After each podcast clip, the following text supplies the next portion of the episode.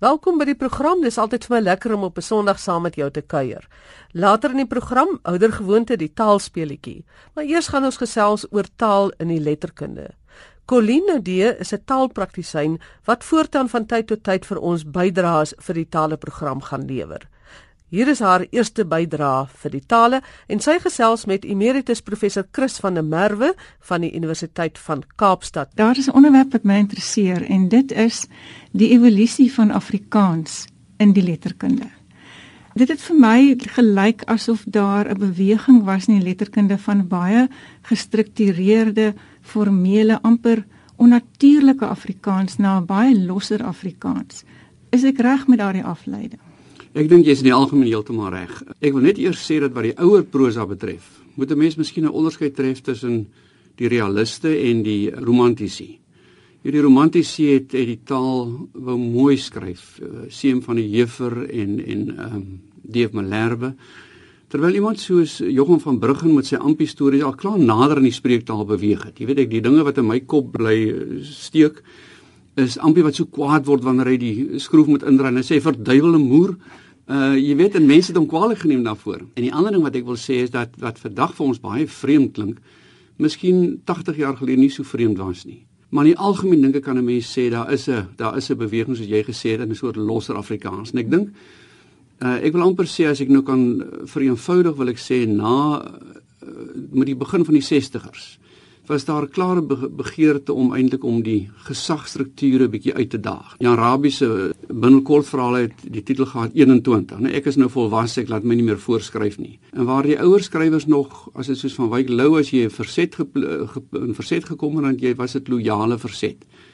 Die 60er is baie meer radikaal, ook wat hulle taal betref. Bring skryf oor dinge wat jy vroeër nooit in die letterkunde geskryf het nie en in Magersfontein eh, van van Etienne Leroux is selfs verbied onder andere as gevolg van die onfatsoenlike taal. Uh nou ek wil nie te lank praat nie, maar by Etienne by by Leroux is daar 'n baie duidelike funksie vir hierdie soort taalgebruik.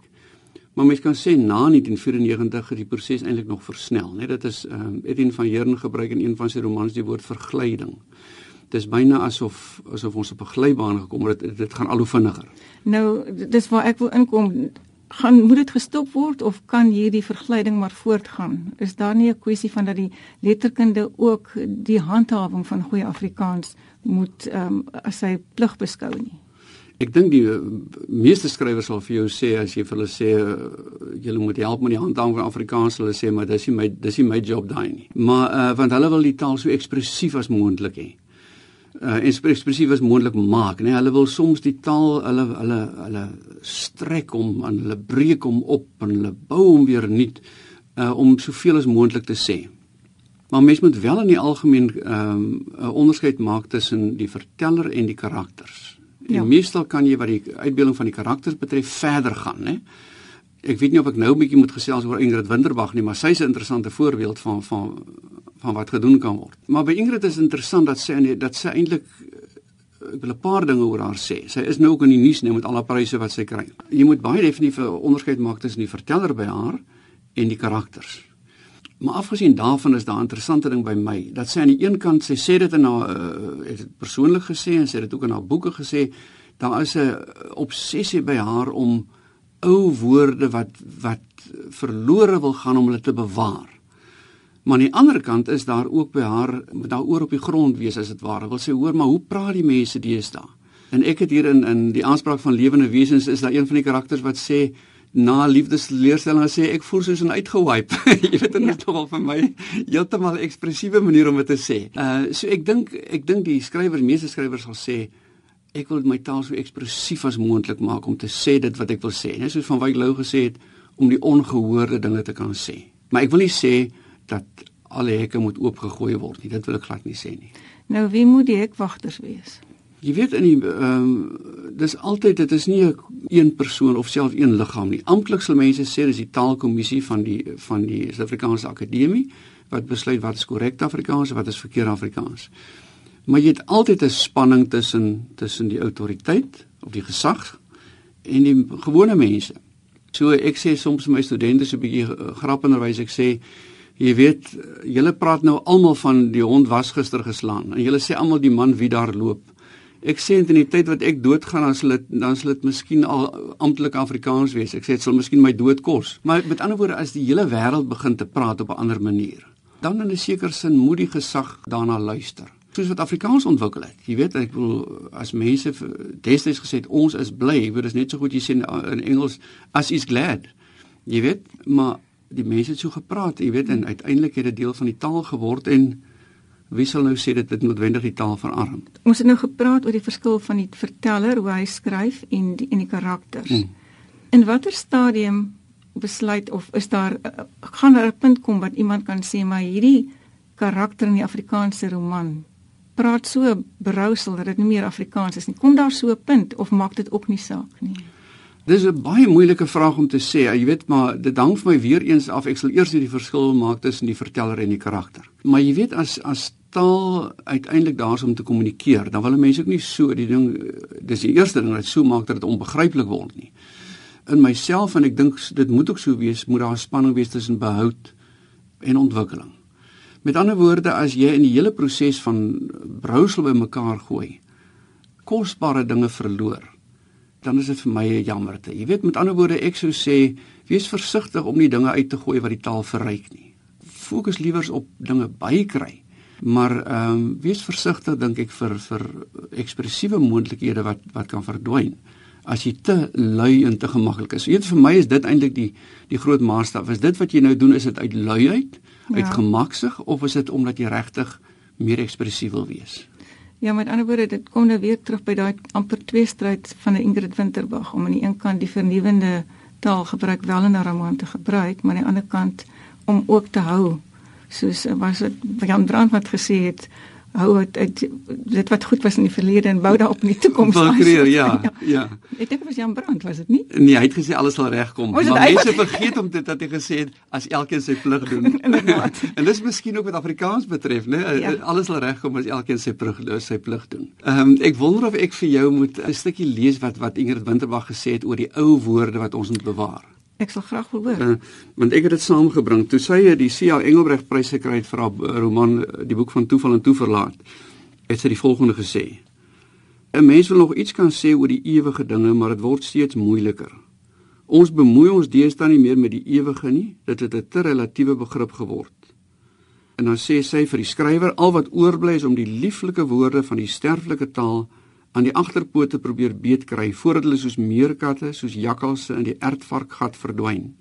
Dorskuur en dorsnood, dors, douram, doodsjordaan en doodval siekte. Begrafnisbanket en bedroewend, edelmoedige en erbarming. Erbarming so lieflik die woord en net soos ewigheid in onbruik verval. Jy weet hy sê daar 'n interessante ding. As jy te veel weggooi, veral wat die woordeskat betref, dan verskraal jy jou jou lewensmoontlikhede ook.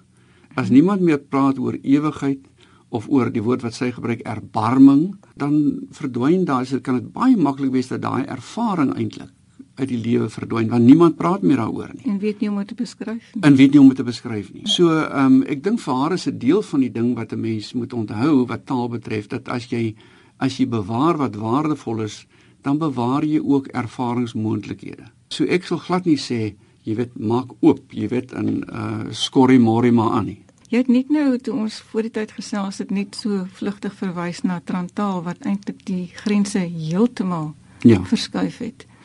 Hoe voel jy daaroor? Dink jy daar daar is 'n perk wat oorskry word of oorskry sou kon word? Ek moet nou eers erken dat ek die bundel nog nie gelees het nie. Uh jy weet as jy net as jy dan die titel kyk, Survivors and Chokers, Dit gaan moeilik wees om dit so kort en so ekspressief te stel in standaard Afrikaans, weet veral choker.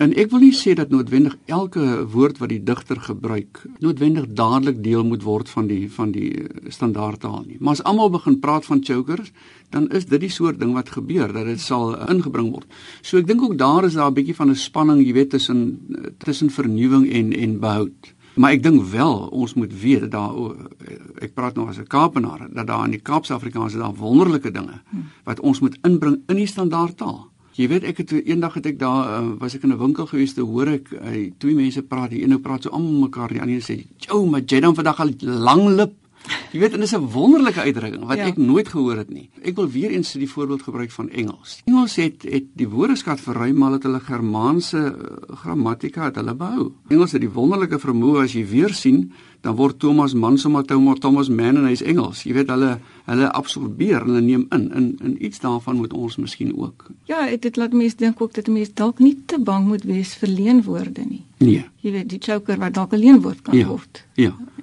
Uh, absoluut. Miskien het ons daarom ook verder gevorder dat ons nie meer so 'n anglisisme agter elke bos uitskop nie ja. en en die taal op daai manier ook verruim. Ja. Solank as 'n mens net die dinge verloor wat wat wat waardevol is. Jy weet daar's 'n wonderlike, ek wil sommer dit nou adverteer oor die lig, maar daar's kaarte wat gemaak het deur Pieter Slingsby. Hy's 'n Engelsman. Ja. Maar hy het nie Cederberg toe gaan stap. Hy het al die ou Afrikaanse name het hy gaan het hy nagegaan en opgeteken. Daar's pragtige name. Dit is 'n bietjie onfatsoenlik om oor die lig te gebruik. het, uh, maar maar die wonderlike ding daarvan is hy het regtig die moeite gedoen. Hy wat 'n Engelssprekende is om iets van hierdie van die wêreld wat opgeroep word hierdie ou Afrikaanse name om dit behoue te bly. So ek dink om op te som, daar is so baie wat mooi is, wie daai musiek amper wat wat Ingrid Winterpa gepleeg het nou oor die mooi ou woorde wat ons kan behou. Maar ons moet ons ook nou nie blind staar teen 'n soort van 'n handhawing tot elke prys nie en ons bietjie oopgooi vir vir die vernuwing ook in die letterkunde. Ja, die groot master wat ek wil sê is nie is dit suiwer nie, maar is dit verrykend? Is dit ekspressief? Is dit nodig? Ja, mens kan eintlik maar vir alles in die lewe vra voor jy dit doen. Is dit nodig? Baie dankie, dit was Colleen Nodee wat gesels het met Chris van der Merwe. En nou sluit ons aan by Gerard van Huisteen vir die taalspeletjie. Vanoggend is dit weer tyd om te spel. Ek sê 'n woord, jy sê hoe dit gespel moet word. Let op op los of vas met koppeltekens, hoofletters ensovoorts. En vandag, maklik, al die woorde begin met 'n S. Hier gaan ons. Semifinalis. Semi-soet wyn semi-elektries seminar sensueel senu aandoening senu ineenstorting en lesbes sphinx Tom Klaglin is op die telefoon om ons te help met hierdie S-woorde. Tom is 'n voormalige voorsitter van die Taalkommissie en is verbonde as taalpraktisyn aan Unisa. Tom, wat doen ons met al hierdie semi-woorde? Gerard, daar is 'n klomp van hierdie sogenaamde voorvoegsels wat van klassieke herkoms kom. Uh jy weet 'n mens kan 'n hele klomp van hulle noem so semi-auto of 'n mikro of kontra of hiper en die soort goed wat ons almal voel eintlik nie uh tipies Afrikaans is nie. Hulle kom almal van uh, Griekse of Latynse herkoms en hulle word in die deel vasgeskryf aan die ander woord waaraan hulle uh, gevoeg word. So semifinalis word vasgeskryf een woord en net so ook semisoet. Maar nou semisoet is natuurlik nou 'n uh, byvoeglike naamwoord en hy word dan nou losgeskryf van wyn. So semisoet wyn is twee woorde. Maar nou kry mense baie keer van daai voorvoegsels wat op 'n vokaal of 'n klinker eindig. En dan begin die woord waaraan hy gekoppel word ook met 'n vokaal of of 'n klinker en dit is baie keer gee dan 'n botsing af. Soos in die geval van semi-elektries. Wat hier moet gebeur omdat die u van semi en die e van elektries 'n kombinasie van klinkers vorm wat in Afrikaans 'n ander klank voorstel, naamlik i. Moet ons iets doen om die twee van mekaar te skei en aan te dui dat hulle in verskillende lettergrepe of verskillende silabes hoort. So semi-elektries kan op twee maniere geskryf word. Jy kan hom of met 'n koppelteken na semi skryf, dus semi koppelteken elektries, of jy kan 'n deelteken op die e van eerste e van elektrisiteit. Dus semi en dan deelteken e elektries, semi-elektries en dan natuurlik wanneer jy die deelteken gebruik is daar nie 'n koppelteken nie. Nou in die geval van seminar het ons nou nie met dieselfde semi te doen as wat ons nou gehad het in semi-soet en semi-elektries nie want seminar beteken nie halfnaar nie. Hier het ons te doen met iets heeltemal anders is nogal 'n interessante woord. Hy uh hou verband met die woord seminarium wat 'n saadbedding is in Latyn. En jy sal dalk onthou dat 'n mens 'n kweekskool ook 'n seminarium kan doen. En hierdie seminar hou met daarmee verband. Die grondwoord daar is is inderdaad semen. Maar omdat dit nou nie 'n voorvoegsel semi is nie, maar uh, die stam van van die woord is seminar natuurlik alles een woord en ongeag die feit dat ons die eer redelik kort uitspreek Met ander woorde, ons sê nie eintlik regtig seminar nie, ons sê seminar is daar net een M. Dan kom ons by sensueel. Hier het ons natuurlik ook 'n kombinasie van klinkers gehad, naamlik die U van sensu en dan die E van EEL, sensueel. Maar hier vind nou 'n interessante ding plaas omdat daar die kombinasie U en e nie 'n spesifieke klank in Afrikaans voorstel byvoorbeeld die kombinasie e u nie het ons nie hier 'n deelteken of iets nodig nie en bovendien omdat 'n mens 'n dubbel e het in die woord sensueel op die eind is dit ook 'n rede hoekom daar nie 'n deelteken gebruik word nie 'n mens kan dit feitelik altyd onthou as die laaste deel van die woord op 'n so 'n dubbele vokaal uitgaan soos e e l dan word daar nie 'n deelteken gebruik nie. Dus by iets soos finansiëel ook nie, maar by finansiële kry ons tog 'n deelteken, so kan ons dan nou ook by sensuele 'n deelteken verwag. Nee, uh, want uh, jy's heeltemal reg by finansiëel kry ons nie 'n deelteken nie omdat die laaste deel van daai woord is natuurlik 'n dubbel uh, vokaal, die e e l. Terwyl dit in finansiële het jy dan die kombinasie van i en een e en dit sou dan i uitgespreek word. So as daar nie 'n deelteken was nie, dan sou ons gesê finansiële. In die geval van sensuele het jy 'n kombin die kombinasie van u e en dit verteenwoordig nie 'n ander klank nie. So dit word uh, nog steeds as die, as die twee afsonderlike vokale uitgespreek. Goed, dit maak dit sommer baie maklik. Dan die twee gedoentes wat ons hier het, is seunie aandoening en 'n seunie ineenstorting. Ja, nou uh in die geval van seunie aandoening het ons natuurlik weer daar 'n uh, dubbel vokaal die aa wat volg op die u en hy word net doodgewoon aan mekaar geskryf geen koppelteken of geen deelteken nie want daar is nie enige uitspraak verwarring moontlik nie. En soos ek net al gesê het uh die feit dat daar 'n dubbel vokaal letter staan maak dit ook onnodig om om enige tekens se koppelteken of 'n deelteken daar te gebruik. Nou kom ons by senie in instorting. Nou hier het ons die kombinasie op daai skakelpunt van u en i en dit verteenwoordig natuurlik ui. Ons moet dus op 'n manier aandui dat die twee in verskillende lettergrepe val. Nou omdat senie hier nie 'n voorvoegsel is nie maar die stam van 'n aparte woord of mens kan vir alle praktiese doeleindes kan jy maar sê dit is 'n woord op sy eie en hy kombineer met ineenstorting en daarom gebruik ons 'n koppelteken. In die geval is daar dus nie 'n deelteken moontlik nie. Die spelreëls hier sê wanneer dit twee stamme is of twee afsonderlike woorde is wat aan mekaar verbind in 'n samestelling, dan gebruik jy 'n koppelteken op so 'n skakelpunt en nie 'n deelteken nie. En dan laastens tom Sphinx. Hier het ons nou uh, te doen met 'n interessante woord wat uit die oorspronklike Grieks kom. Hy kan op twee maniere uitgespreek word. Ek dink die meeste Afrikaanssprekendes vandag sal aanvoel dat dit 'n woord van klassieke herkoms is en daarom sal hulle daardie i in hom uitspreek as 'n as 'n i sphinx maar die uitspraak Sphinx is ook moontlik omdat dit in 'n geslote lettergreep staan. En in Afrikaans spel ons dit eenvoudig S F nie met 'n PH soos in Engels nie S F I N K S. Tom, op daai Egiptiese noot, baie dankie. Ons gesels graag 'n volgende keer weer.